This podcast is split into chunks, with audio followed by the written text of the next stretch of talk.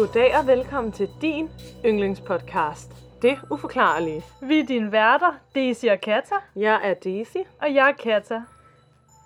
I burde have lært det nu. Ja, Det er altså mig, der er Daisy. og det er mig, der er Kata. Men til alle de nye derude, de nye lyttere, Gå tilbage til afsnit 1. Ej, ja, vi ses, ej. nej. I må høre det præcis i den række, flere I vil. Ja, Men hvis I vil lære os at kende fra barns ben, fra halvdeler. så er det tilbage til afsnit 1. Den gang vi begyndte podcasten, da vi var unge. Der var lyden i hvert fald dårligere, håber jeg. Ja. Jeg håber, vi er blevet lidt bedre. Det er ikke sikkert. jeg tror... Jeg, det kan godt være, den er blevet en lille smule bedre. Alt efter hvilken dag det lige er. ja, lige præcis, lige præcis. Nå, men øh, har du af, af, af, oplevet noget siden sidst? Jeg kan ikke snakke. Om jeg har oplevet Jeg skulle lige noget. så sige, om du havde aflevet noget siden sidst. Hold da helt Jeg op. mente oplevet. Jeg har ikke, jeg kan, okay, jeg kan så indrømme, at jeg har ikke aflevet noget siden sidst. Okay, det var godt. Det har jeg dog ikke. Heller ikke et venskab. Wow. Nej, det har jeg faktisk ikke. Jeg har også prøvet at lade være. Ja. det er sgu meget godt. Tak. Eller...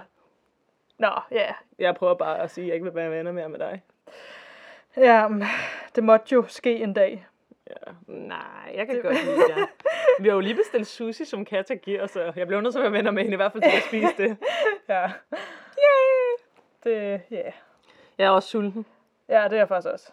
Det bliver godt. Det bliver godt at spise. Det bliver på. altså godt, ja. Det gør det altså. Nå, så du har ikke oplevet noget. Det var der, vi kom fra. Ja, jeg har ikke rigtig op... Eller det har jeg, men jeg ved ikke, om der er noget, der sådan er værd at fortælle her. Sådan, Mm. du ved, jeg kigger jo på nogle af de ting, der er sket, og tænker, hmm, er det værdigt nok til at komme med i podcasten? Jeg har noget, der er værdigt nok. Okay.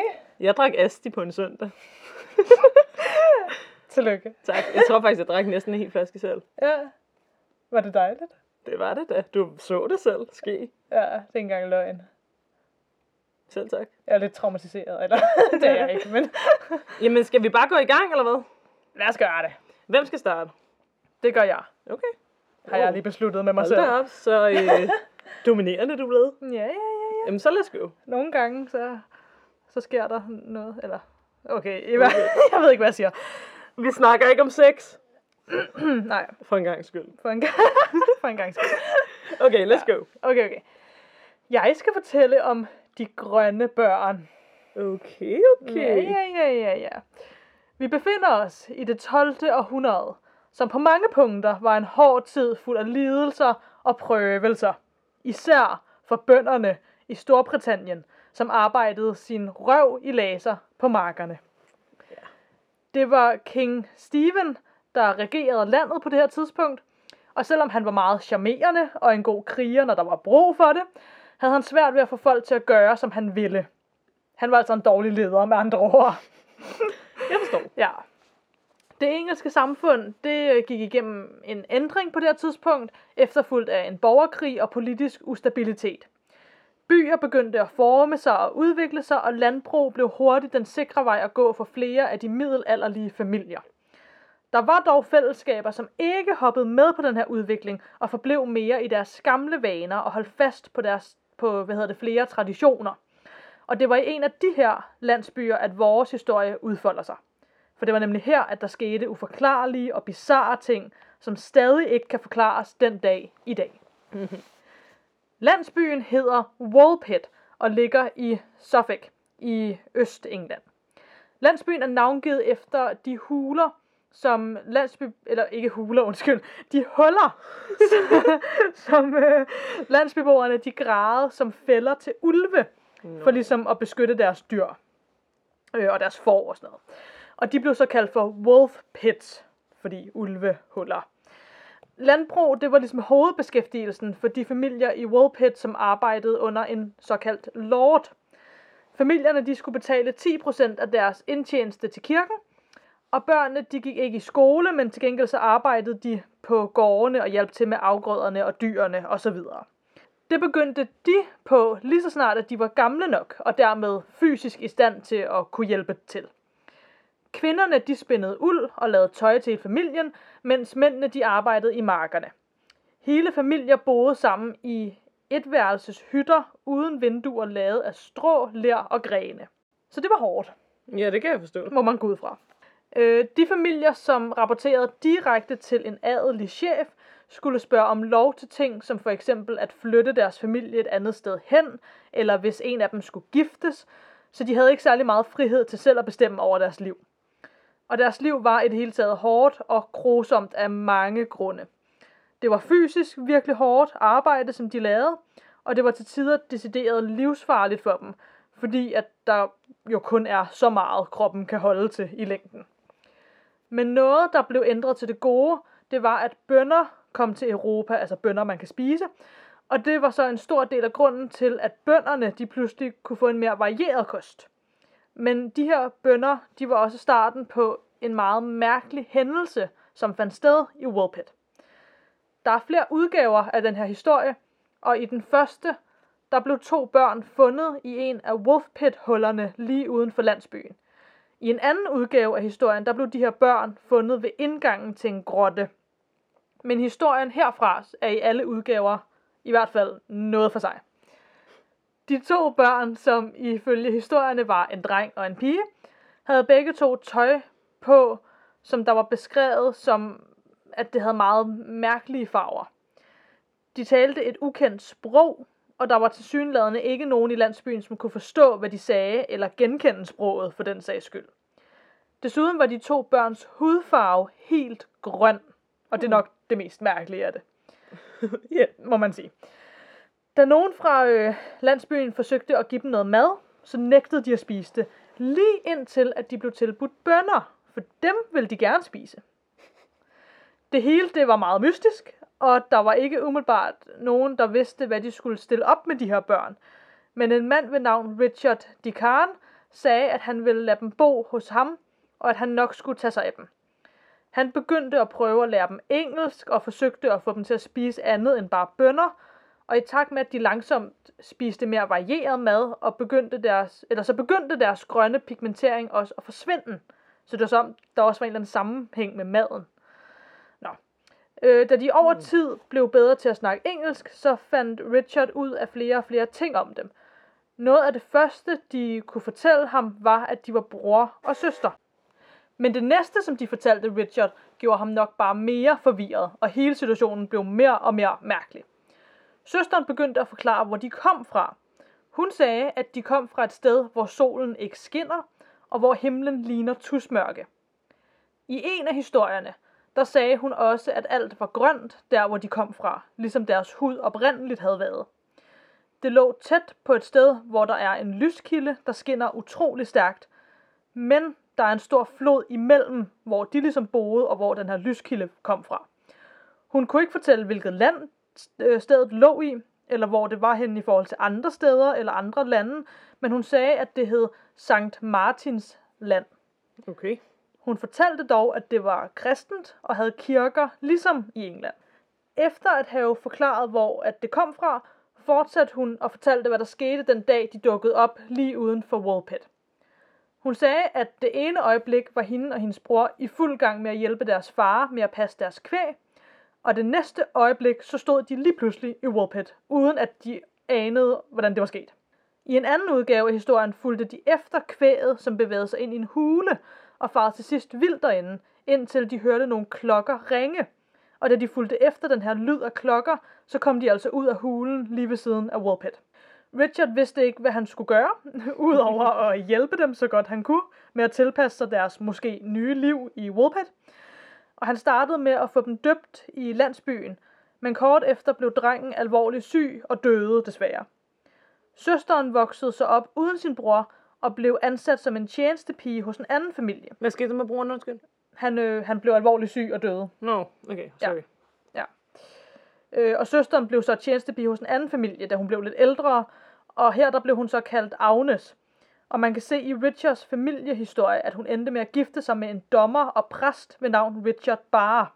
Altså en anden Richard end Richard. Ja. ja.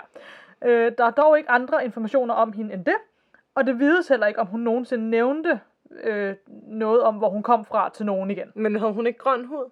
Nej, det forsvandt jo. Nå, Pig- sorry. Ja, jeg har jo bare ikke lyttet godt nok. Jamen, det, det gjorde den. Eller... der er også mange informationer. ja, ja, præcis. Der er mange ting sådan på en gang. Ja. Men ja, nej, det var det.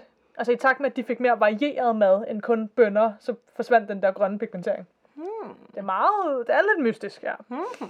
Ja, nå. Øh, historien om de her to børn, Agnes og hendes bror, blev skrevet ned af en historiker for første gang cirka 40 år efter, at de blev fundet uden for Woolpit.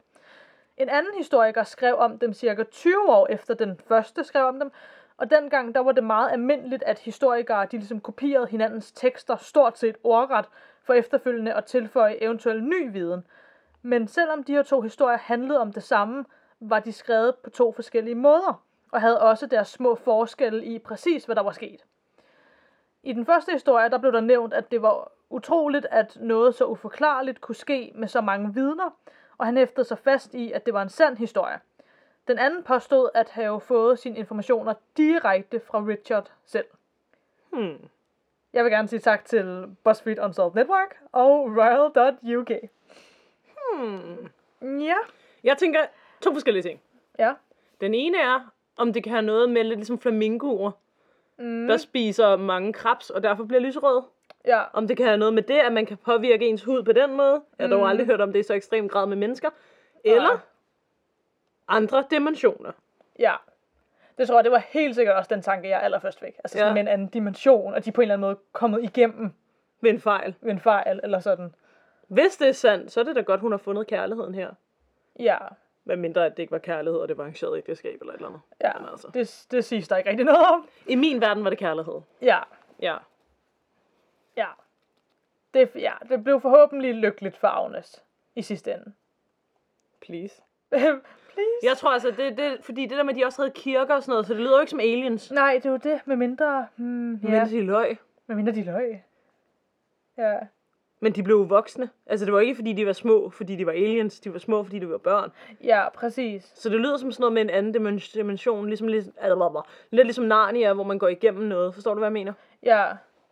Fordi også det der med, at de kunne sige det der med, at der var ikke nogen sol, der skinnede, men alligevel var der den der mærkelige lyskilde, der hvor de kom fra, og sådan, det lyder også bare, og det hele var grønt og sådan noget, altså, det lyder bare også mega mærkeligt. Anden dimension af konklusionen. Ja. Var det ikke dig, der på et tidspunkt sagde noget med en artikel med noget med grønhed? Hmm. Det tror jeg ikke. Nå. Eller også kan jeg bare ikke lige huske det. Nå, jeg føler, det var et eller andet videnskabeligt med grøn hud og en artikel. Er det ikke dig, der har sagt, du har læst det et eller andet sted? Blander det sammen med noget andet? Det, er- uh, det er jeg lidt i tvivl om. Jeg kan ikke helt huske det. Nå. Jeg føler bare, er det ikke os, der snakker om grønne børn før? Det tror jeg ikke. ikke andet end sådan, hvor det netop var aliens. Nå. Okay.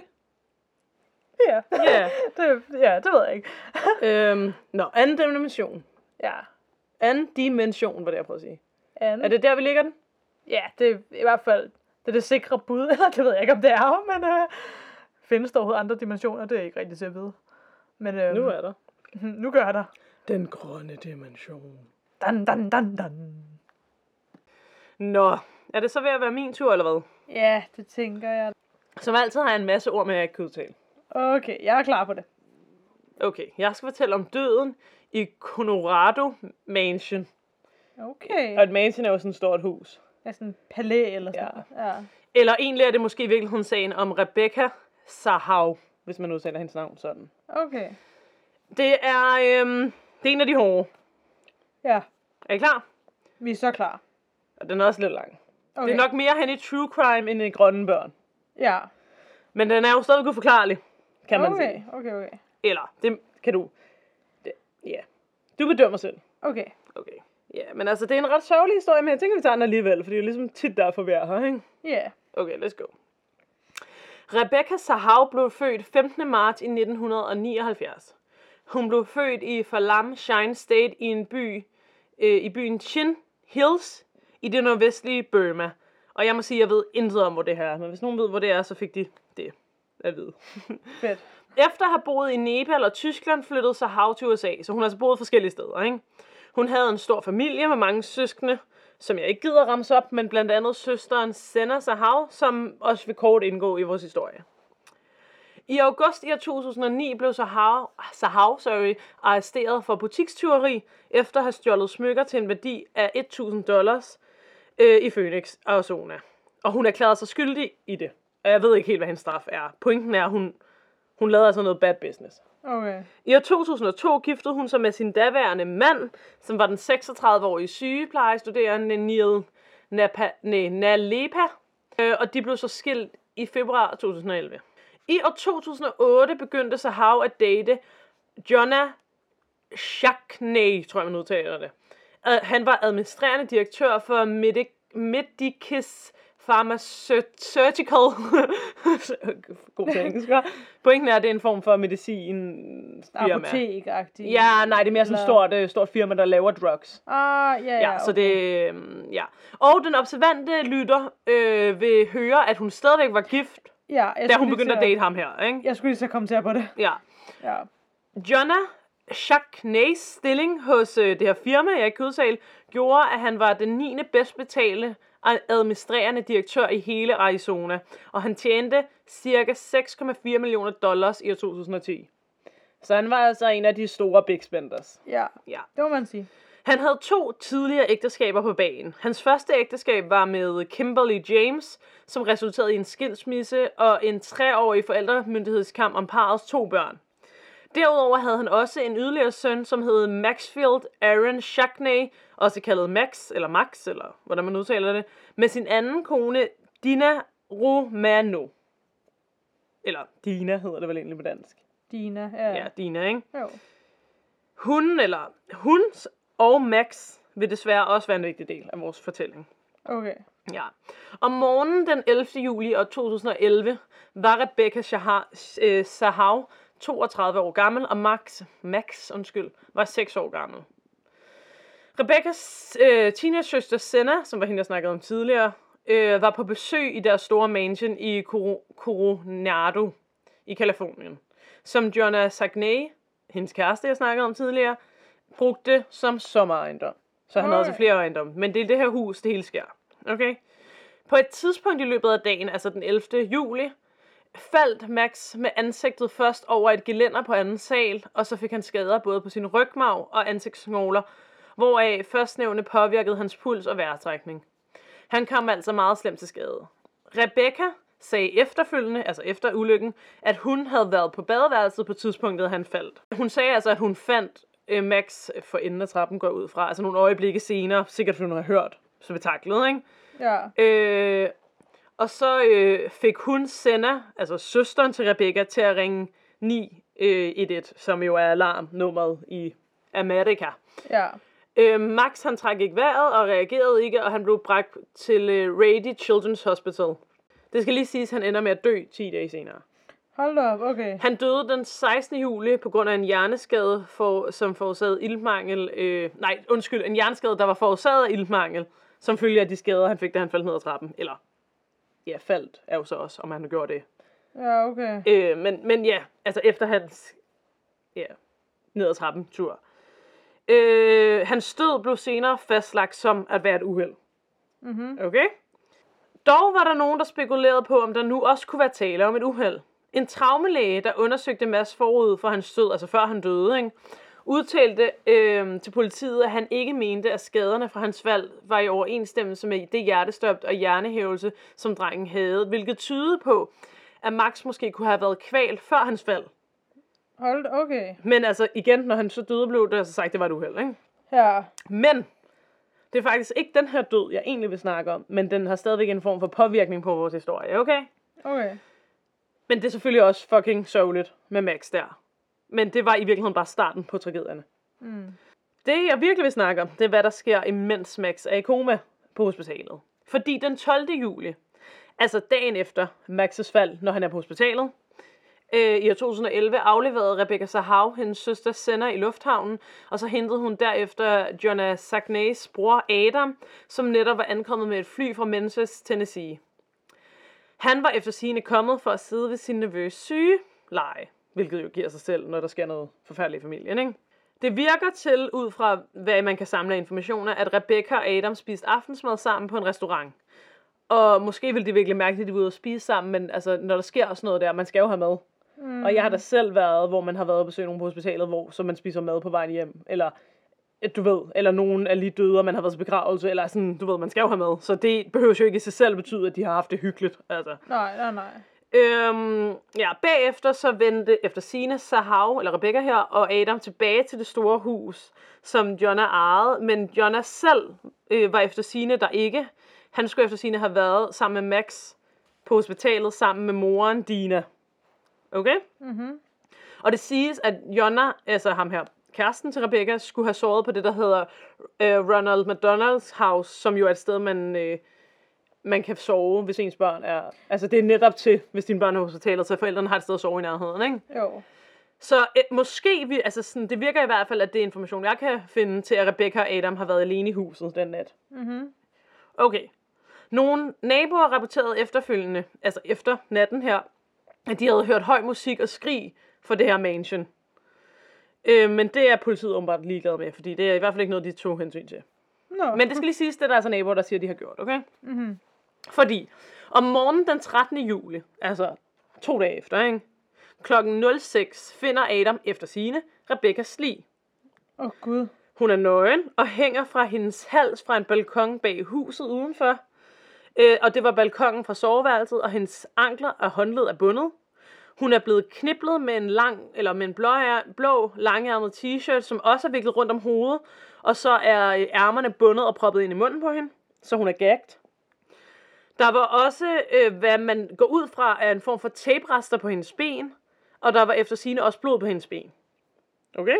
Hold nu op. Det værste er, at jeg har set crime photos af det her, fordi jeg kom til at søge på det. Oh, Ja. Altså ikke fra da hun hang, men fra hun lå på græsset. Okay. Og jeg fortryder alt. Ja. Jeg vil ikke anbefale, at man søger på det, fordi man kan ikke slette det. Nej. Også at det overhovedet er, altså, Ja, at det overhovedet ligger på det nettet. overhovedet ligger online, det er helt sindssygt. Der er også nogle Ja. billeder af helikopter, der har taget sådan noget, hvor hun er lidt sløret, men man kan ligesom godt se, at det er en død kvinde, der ligger nøgen på græsset. Ja. Det synes jeg er fucking respektløst. Altså ærligt. En ting er, at man snakker om det og ærer mindet, for Ja. ligesom at være sådan, det her det er forfærdeligt, hvad der er sket. En anden ting er at direkte se billeder af hendes døde krop. Mm. Der er sådan, at de burde tage ned, blive taget ned. ind. Ja. Nå. Adam ringede øh, 911, eller 911, klokken 6.48, altså noget tid efter. Og hvis de her tider, jeg har fundet rigtigt, der har jeg det også sådan lidt, hvad fanden lavede han i de 48 minutter? Ja. Men efter sine skulle han selv have taget nogle billeder, og så sendte han også en sms til sin bror for at informere ham om nyheden. Og der har jeg det sådan her, hvad har han skrevet? Hey, din ko er død. Altså sådan, ringer man ikke lige? ja. Altså, det er ikke fucking mærkeligt bare at sende en sms. det er ret mærkeligt. Nå, så skar han selv Sahaus lige ned, før politiet ankom. Okay. Det gør man heller ikke. Nu ved jeg godt, alle ligger fucking true crimers, men sådan... Det gør man ikke. Nej. Is- Altså, okay, jeg kan godt se, hvis det var, fordi han var i tvivl om, hun var død, og ligesom ville sørge for, at hun ikke døde. Det er en ting. Men altså... Ja, okay. Ja, der går endda rygter om, som jeg sagde, at han har taget billeder af det hele, ikke? Lægerne forsøgte at genopleve hende, men erklærede hende død på stedet. På soveværelsesdøren, som er den dør, man mener, hun er hoppet ud af, øh, fordi, når jeg by the way, de mener, det er selvmord. Yes, det kommer jeg mere ind på. Yes. What? På døren stod der med sort maling. Hun reddede ham, kan han redde hende? Ja, hun reddede ham, kan han redde hende? Spørgsmålstegn. Altså, she saved him, can he save her? Okay. Hvad det betyder, det ved jeg ikke. Men må jeg ikke lige spørge om noget andet? Jo. Var hendes hænder ikke bundet, Jo, mens hun hang der? jo, jeg kommer meget mere ind på det. Jo, det, Og det ansigt, du det- har lige nu. Og så siger de, at det var selvmord. Ja, du. Jeg kommer meget mere ind på det. Okay. Ja. Efterforskerne tog øh, dog ikke den her besked særlig alvorligt, for de mente, som sagt, at der var bevis for, at det hele var selvmord. Om de så har troet, at det var en form for selvmordsnote, det ved jeg ikke, men hvem skriver en selvmordsnote, der er så kryptisk? I don't know, man. Nå. Men grund til, at de tror, det er hende, der har skrevet det, er, fordi Sahav efter sine kunne lide at male som hobby. Og hun havde tidligere saneret sine malerier. ja. What? Ja. Men altså, der var nogle af hendes søs- søskende, der altså hævdede, at beskeden ikke stemte overens med hendes håndskrift. Selvfølgelig er det jo altid anderledes, hvis man skriver og maler og sådan noget, ikke? Men fordi hun kunne lide at male som hobby, så var det jo nok hende, der havde malet døren. Mhm. Mm-hmm. Ja, det giver jo... Det giver god mening, ja, ikke? Ja, okay. Politiet indledte de retmedici- retmedicinske og toksologiske undersøgelser på hendes krop, som led i en obduktion for at fastslå dødsårsagen. Spekulationer, var jeg ved at sige, spekulationer om hendes forbrydelse, eller om, om, undskyld, spekulationer om det var en forbrydelse begyndte tidligt i sagen, men øh, efterforskerne var der uden af stand til at finde andet DNA end Sahavs eget på stedet, så derfor gik de meget hurtigt ud fra, at det bare var et selvmord, og derfor tror jeg måske heller ikke, de har taget helt de rette øhm, lad mig sige det sådan, de er i hvert fald ikke gået ud af nogle tangenter for at finde en morder. Nej. Ja. Den 2. september annoncerede San Diego County øh, Sheriff Department formelt deres kon- konklusion om, at Sahau begik selvmord, og det har jeg jo allerede sagt, og det er what the fuck, ikke? Så, øh, og det, det er normalt, når man opklarer et mord, eller normalt og normalt, nu er jeg jo ikke fucking efterforsker, men der prøver man jo ligesom at være sådan, hvad kan motivet være? Hvem kan have de motiver? Kan vi finde nogle spor, der gør, at det kan være den person, der kunne have det motiv? Så vidt jeg har forstået, har de overhovedet ikke gjort det. Det var bare sådan, det er selvmord, det er det, bum. Yep. Det er mærkeligt. Yes. Nå. Rebecca Sahars obduktionsresultater afslørede fire tilfælde af hovedtraumer, om hvilke efterforskere og eksterne øh, kommentorer udtrykte forskellige teorier på. San Diego-lægen øh, Jonathan Lucas udtalte, at, nu citerer jeg ham, ikke? Fordi der beviser for, at hun gik ud, og, ud over balkongen i en ikke lodret stilling, kan hun måske have slået hovedet på balkongen på vej ned. Så altså, han mener, at hun ligesom har hoppet ud og så dinglet ind i balkongen. Okay. Et ekspertvidnes, andet ekspertvidne sagde, at det var en, øh, at det var en mulighed, mulighed, og sagde, at da livet først faldt, hopper hun ikke nødvendigvis ihjel, fordi så vil hun falde direkte nedad, og hun kunne nemt have ramt mod siden af strukturen, hvorfra hun hænger. Og det kunne så også slå hende ihjel, eller sådan, jeg ved ikke helt, jeg synes, det lyder lidt. Ja, så de mener altså, at hun hopper ud og så bang, ligesom banker ind, ikke? Ja. Han bemærkede dog, at for at drage stærke konklusioner, ville han have foretrukket at se kroppen, øh, inden at hendes håndled og sådan noget var bundet af, altså se, hvordan hun så ud. Mm. Og jeg tror måske ikke, øh, at den her ekspert rent faktisk så hendes lig, men det er jeg lidt i tvivl om. En retmedicinsk konsulent holdt op udtrykte tvivl om den her teori og sagde, at chancen for at støde ind i rækværket, altså når man går ud over balkongen og så slår sit hoved fire gange ind i, i det der fucking ting, er ret usandsynligt. Mm. Altså at hun skulle dinkle sådan fire gange, og så slå så hun hendes hoved for traume på den måde, ikke? Ja. Ja. Og så selvom at der var de her fire hovedtraumer, så mener man altså, at den rigtige dødsårsag var kvælning, skråstreg, hængning. Man kan jo diskutere, om hun er blevet kvælt inden, og så Ja. blevet smidt ud over, ikke? Ja. Ja. For lige at vende tilbage til det blod, hun havde på sine ben, så øh, blev det slået hen, så vidt som jeg har forstået, som om, at det nok var menstruationsblod, eller en anden form for væske fra hendes skede. Og der har jeg skrevet, så det... Og så har jeg det også lidt sådan, hvis det var en form for blod fra hendes skede, kunne hun så ikke være blevet voldtaget? Men det er der åbenbart heller ikke nogen, der gider at tjekke op på. Det var bare menstruation, fordi hun er jo en kvinde. Ja. Så hvis der er blod på hendes ben, så er det nok bare, fordi hun har menstruation, ikke? Øhm... En anden obduktion øh, af, af Rebecca blev udført af patolog Dr. Cyril Vægt på hendes families anmodning. Og jeg tror måske, det skete noget tid efter. Jeg kommer ind på noget med familien senere. Hvornår lige den her obduktion er blevet lavet, det ved jeg ikke. ikke? Øh, den her doktor vidnede altså, han troede, at et brud i Sahaus hals var forårsaget af en manuel kvæling, som jeg netop sagde. Altså ikke af selve, altså ikke at blive hængt, men at blive kvælt, ikke? Mm. Han- udtalte også, at han mente, at Sahau øh, var død via et mor. Og en advokat fra, øh, fra, fra Sahaus familie udtalte, at der var flere unøjagtigheder i, chef, i den sheriff departments undersøgelse, der var lavet. Ikke? Inklusiv beviser, der indikerede, at Sahau blev udsat for seksuelle overgreb før sin død, som jeg jo lige var inde på. Ikke? Mm. Hvilket jeg måske også synes, det lyder som. Men øh, ja. Ja. Nå, nu kommer jeg, dykker vi lige lidt ned i øhm, Rebekkas telefon. Ifølge politiets undersøgelser talte Sahau i telefon fra omkring kl. 20 til 22, med hvem ved jeg ikke, og sendte en sms til sin ældre søster Mary, som bekræftede, at sender var kommet i sikkert hjem. Fint nok. Klokken 22.48 modtager Sahau øh, en sms fra Nina øh, Romano, altså tvillingesøsteren til, øhm, til Maxes mor Dina, som skrev, at hun ville forbi huset og tale om Max ulykke. Og det er også lidt creepy, netop fordi der jo var tale om, om det var en ulykke eller ej. Ikke? Mm. Rebecca svarede ikke på den her besked. Politiet sagde, at Sahau tjekkede hendes telefonsvar et par timer senere, altså klokken øh, 00.50, og lyttede til en besked. Øh, man kan ikke finde ud af, hvem der har lagt den her besked. Og den blev, den blev så slettet, efter den var blevet lyttet til. Men i princippet kan man jo heller ikke være sikker på, at det er Sahau selv, der har lyttet til beskeden. Det kan man altså, det ved man jo ikke. Og jeg forstår ikke, hvorfor de ikke bare kan finde den besked igen, når man kan alt muligt andet teknisk, men det kunne de jo bare ikke. Nå okay, videre. De fik så en ekspert til at analysere den her malede besked på døren. Og han sagde, at beskeden var skrevet af en højrehåndet, hø, undskyld mig, højrehåndet mand, Og baseret på, hvor høj døren var, og hvor henne på døren det var skrevet, mente man, at manden var omkring cirka 1,86 cm høj, og Rebecca selv var altså kun 1,56 cm høj. Så det burde altså ikke være hende, der skrevet beskeden. Mm. Jeg gentager lige, man mente, det var skrevet af en højrehåndet mand. Ja, og som vi ved, var broren jo den eneste mand i huset sammen med hende. Og er der nogen, der har tænkt på at finde ud af, hvor høj han var? Nej. der er også nogle kilder, som jeg ikke ved, om er helt sande, men, men efter sine skulle Adam her altså have indrømmet det. Der siger, at han brugte natten på at se porno med asiatiske kvinder, der blev bundet. Og øh, Sahau var nemlig, hun var en meget køn kvinde, der havde træk af asiatiske, hvad kalder man det, gener. Ja, Altså ja. i forhold til for eksempel, hvis man sammenligner med mig, som er blegfis. Altså forstår du, hvad jeg mener? Ja, så ja, ja. sådan det, at han ligesom har siddet og set på asiatiske kvinder, der bliver bundet som porno samme nat, Mm. er ret fucking klam, ikke? Ja. Og så har jeg skrevet, hvor der er røg, prik, prik, prik, er der typisk også ild. Yep. Yes. Nå, familiemedlemmer udtrykte mistanke, øh, især med det faktum, at hendes hænder var bundet.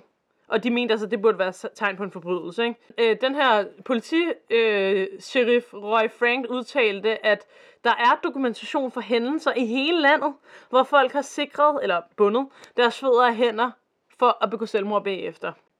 Ja, det, Men, det, men, det, for- men ja. Okay, det kan godt være, det er mig, der ikke helt forstår noget her, eller har misforstået noget, men man kan da ikke, man kan da ikke binde sine egne hænder sammen. Nu kommer det. Så- Politiet genopførte nemlig scenariet i forsøg på at afgøre, om det ville være muligt for en kvinde at vikle rebet om sine hænder flere gange foran hende. Foran hende. Og det, der skal hun gøre det på alle mulige måder, og det ender så med, at hun rent faktisk får bundet sig på den samme måde med en snor, som Sahau blev fundet med sine hænder. Og åbenbart, som jeg sagde før, så var der andre tilfælde af folk, der har bundet sig selv på daværende måde og begået selvmord. Og det kan lade sig gøre, fordi de lavede en reenactment. Ja, okay. De fik en kvinde til at gøre præcis det samme. Ja. Men jeg har det bare sådan her, hvor mange selvmord er det? Et andet selvmord, eller hvad? Altså sådan... Og det er åbenbart grunden til, at folk gør det. Folk, der begår selvmord, er netop for at sikre sig selv, at de ikke fortryder. Så har jeg skrevet, at det måske giver en form for mening, hvis hun havde skyld over Maxes uheld, når han jo lå i koma og havde hjerneskade og sådan noget, hun ville begå selvmord. Men vil man så ikke typisk bare spise nogle piller eller sådan noget? Altså, virker det, og jeg har det også sådan, at hvis man vil begå selvmord, venter man så ikke lige til resten af familien ikke er i kaos over ham der drengen? Fordi så gør man det jo bare situationen værre, ved de også ligesom skal sørge over en selv. Og så har jeg det også sådan, at hvis man går, begår selvmord, hvorfor er man så nøgen? Hvem tænker, jeg begår lige selvmord, jeg stripper først, fordi det er lidt mere sexy? Det er der sgu ikke nogen, der gør. Det er for weird.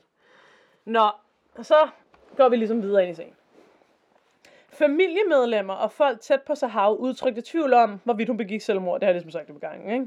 Der var mange af hendes venner og familie, som har udtalt sig, at de altså troede, hun aldrig ville gøre sådan noget. Ikke? Hun var ikke typen til det. Selvfølgelig, det kan man aldrig vide. Men Nej. Politiet udtalte, at det bare var en sørgelig tragedie, og at de altså bare ikke ville acceptere det fakt, at Rebecca begik selvmord. Den 7. september lancerede familien hjemmesiden justifforrebecca.org, hvor de søgte donationer til at finansiere deres egen efterforskning af Sahaus død. På siden står der, at det er tydeligt, at politiet havde arbejdet for hårdt for at male dette billede af selvmord, at de, og at de ikke ville lade øh, det, der skete med Sahar, ødelægge det, altså faxene, hvis man kan sige det sådan, ikke? Øh, og i slutningen af september samme år, som det hele skete, krævede de altså, at sagen blev genåbnet. Den 20. september i år 2011 skrev Jonna Sagnay et brev til Kaliforniens justitsminister Kamala Harris og anmodet om en statslig gennemgang af undersøgelsen. Fordi han selv tvivlede på resultaterne af undersøgelsen, altså hendes kæreste, ikke? Øh, man sagde, at han håbede, at anmelderne ville bringe tillid, altså hvis det blev åbnet igen, og man ligesom fik fastlagt, at det var selvmord, så ville det bringe tillid, komfort og beslutning for andre tæt på Sahau. Så der er ligesom tvivl om, hvorvidt han selv troede på, at det var selvmord eller ej, men han bad faktisk nogen om at genopsage den. Giver det mening, det jeg har sagt, eller brøvlede jeg? Nej, det giver mening. Okay. Det giver mening. Chefassistentsanklager Dane Gillette svarede dog den følgende dag og sagde, vi må afslå din inv- invitation til at gennemgå denne undersøgelse på nuværende tidspunkt. Okay. Den 30. september optrådte familiemedlemmer af Rebecca på NBC's Today og opfordrede til en fuldstændig uafhængig undersøgelse af statsadvokatens kontor. Så de vil ligesom gerne have nogle helt andre til at undersøge sagen, ikke? Mm. Fordi at statadvokaterne er jo inde under en efterforskning, hvis man mener, der er mor. Jeg forstår ikke helt, hvordan det foregår i USA. Det er lidt anderledes end i Danmark, tror jeg. Men whatever. Så House familie hyrede Seattle-advokat Anne Bre- Bremner, Bremner? Nå. som hånede retmedicinernes konklusioner og sagde, at det ville være det første tilfælde i verdenshistorien, hvor en kvinde havde dræbt sig selv på den måde, som hun skulle have gjort det. Og hun mente altså, at det umiddelbart var latterligt. Som jeg sagde, det der med, at hun var nøgen og sådan noget. What the? Altså, også Ja. det der med det der rundt om hovedet og sådan noget. Det er så seksuelt at blive gagt og sådan noget. Det er virkelig, altså sådan... Det, det virker bare på et seksuelt, altså som en, der har gjort deres seksuelle lyster, ikke? Ja. Altså sådan, og, Nå, men det hele endte åbenbart med en større retssag, som jeg ikke vil gå mega meget dybt ned i, men jeg har lige nogle af de argumenter, som Rebekkas familie brugte for at bevise, at det ikke var et selvmord. 1. Tøjet, hun havde haft på, før hun blev fundet nøgen og dræbt, var aldrig fundet igen. Så har jeg skrevet selv. Hvem skiller sig af med tøj, før man begår selvmord? Hvorfor vil man overhovedet gøre det nøgen? Og hvorfor vil man hænge sig selv nøgen fra sin balkon, hvor naboerne kan se dig? Så gør det dog inde i huset, altså, ikke? Så det er... Nå, nummer to. Hovedskaderne, som efterforskerne mente, var kommet fra at svinge og ramme ind i den der stenting. Øh, det virker åbenbart bare latterligt. Eller sådan... Det virker ikke som noget... Altså, det er jo ikke en fucking tegnefilm, hvor livet bare dingler sådan... Druing, druing, Nej, nej, druing. nej. Altså. Nummer tre. Ræbene, der bandt hende, var en form for sejlerræb. Og Adam skulle åbenb- åbenbart være sejler.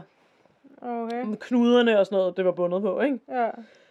Øh, næste. Det menes også, at hvis hun skulle være hoppet, ville sengen, som rebene eller snoren var bundet til, have trukket sig mere, eller sådan rykket sig fra rykket, ikke, når hun hopper.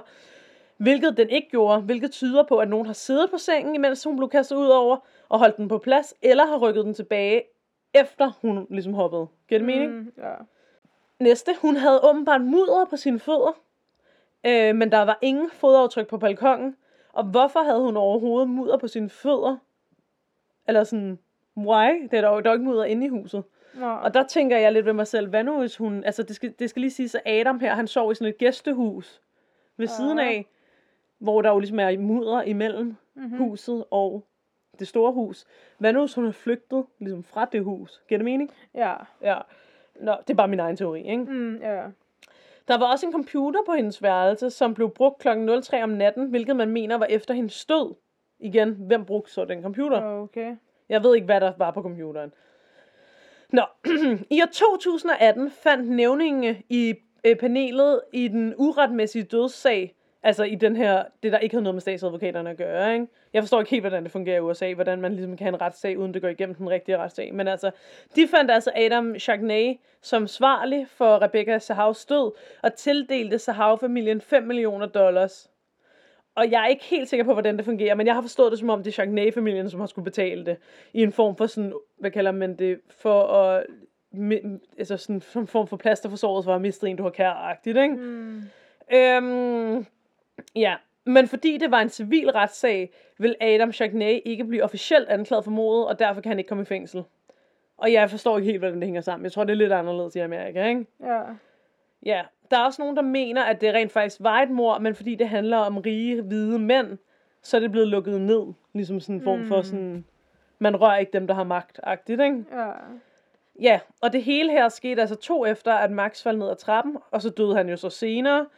Så hvis Jonah, altså kæresten, faren til Max, egentlig ikke havde noget med det her at gøre, så er det virkelig fucking tragisk for ham. Altså virkelig fucking forfærdeligt. Yep. Øh, inden vi diskuterer, så skal jeg lige hurtigt sige tak til My Favorite Murder, episode 8, Wikipedia, NBC San Diego, øh, xcentral.com, Reddit og Amazon.com. Yes. Jeg vil lige sige noget, det virker som en hævntogt Ja. på Max's uheld, at hun ikke har holdt Mhm. ordentligt øje med ham. Synes jeg. Ja, det er i hvert fald... Og timingen er også bare mærkelig jo. Præcis.